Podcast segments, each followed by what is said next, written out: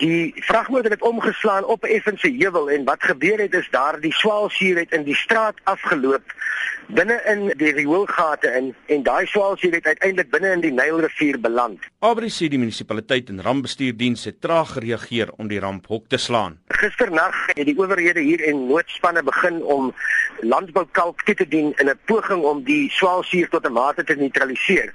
Maar ons is bevrees dat baie van die stroomafskade is reeds gedoen omdat die aksies eers gistermiddag geïmplementeer is en die ongeluk het al Saterdagoggend plaasgevind. Volgens Abri is die besoedeling in die rivier besig om al verder te versprei.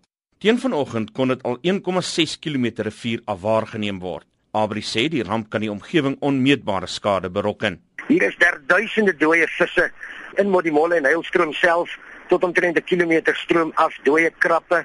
Die eh, landbou saadmaatskappye het vir die boere opdrag gegee om onmiddellik op te hou om water toe te dien op hulle gesaides. Dit gaan 'n langtermyn effek hê. Swaalsuur is swaarder as water.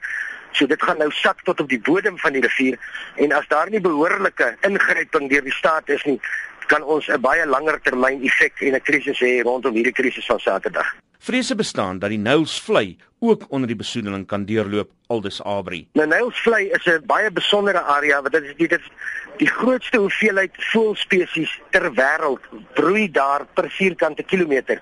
Nou dit is omtrent 16 17 kilo, uh, kilometer stroom af van waar die skade nou alreeds opgetel word.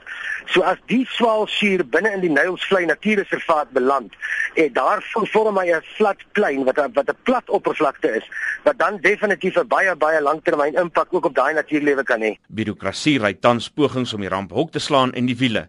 Abri sê die rampbestuurdiens en ander owerhede wag vir geld wat deur die staat beskikbaar gestel moet word. Ons hoop maar dat dit nou binnekort gaan gebeur sodat hulle kan begin om die rivier verder stroom af ook te begin behandel. 'n Woordvoerder vir die departement van water en sanitasie, Sputnik Ratal, sê die departement het eers gister van die ramp te hore gekom. We are now going into a meeting on the disaster at 12 o'clock that will uh, look at the way forward.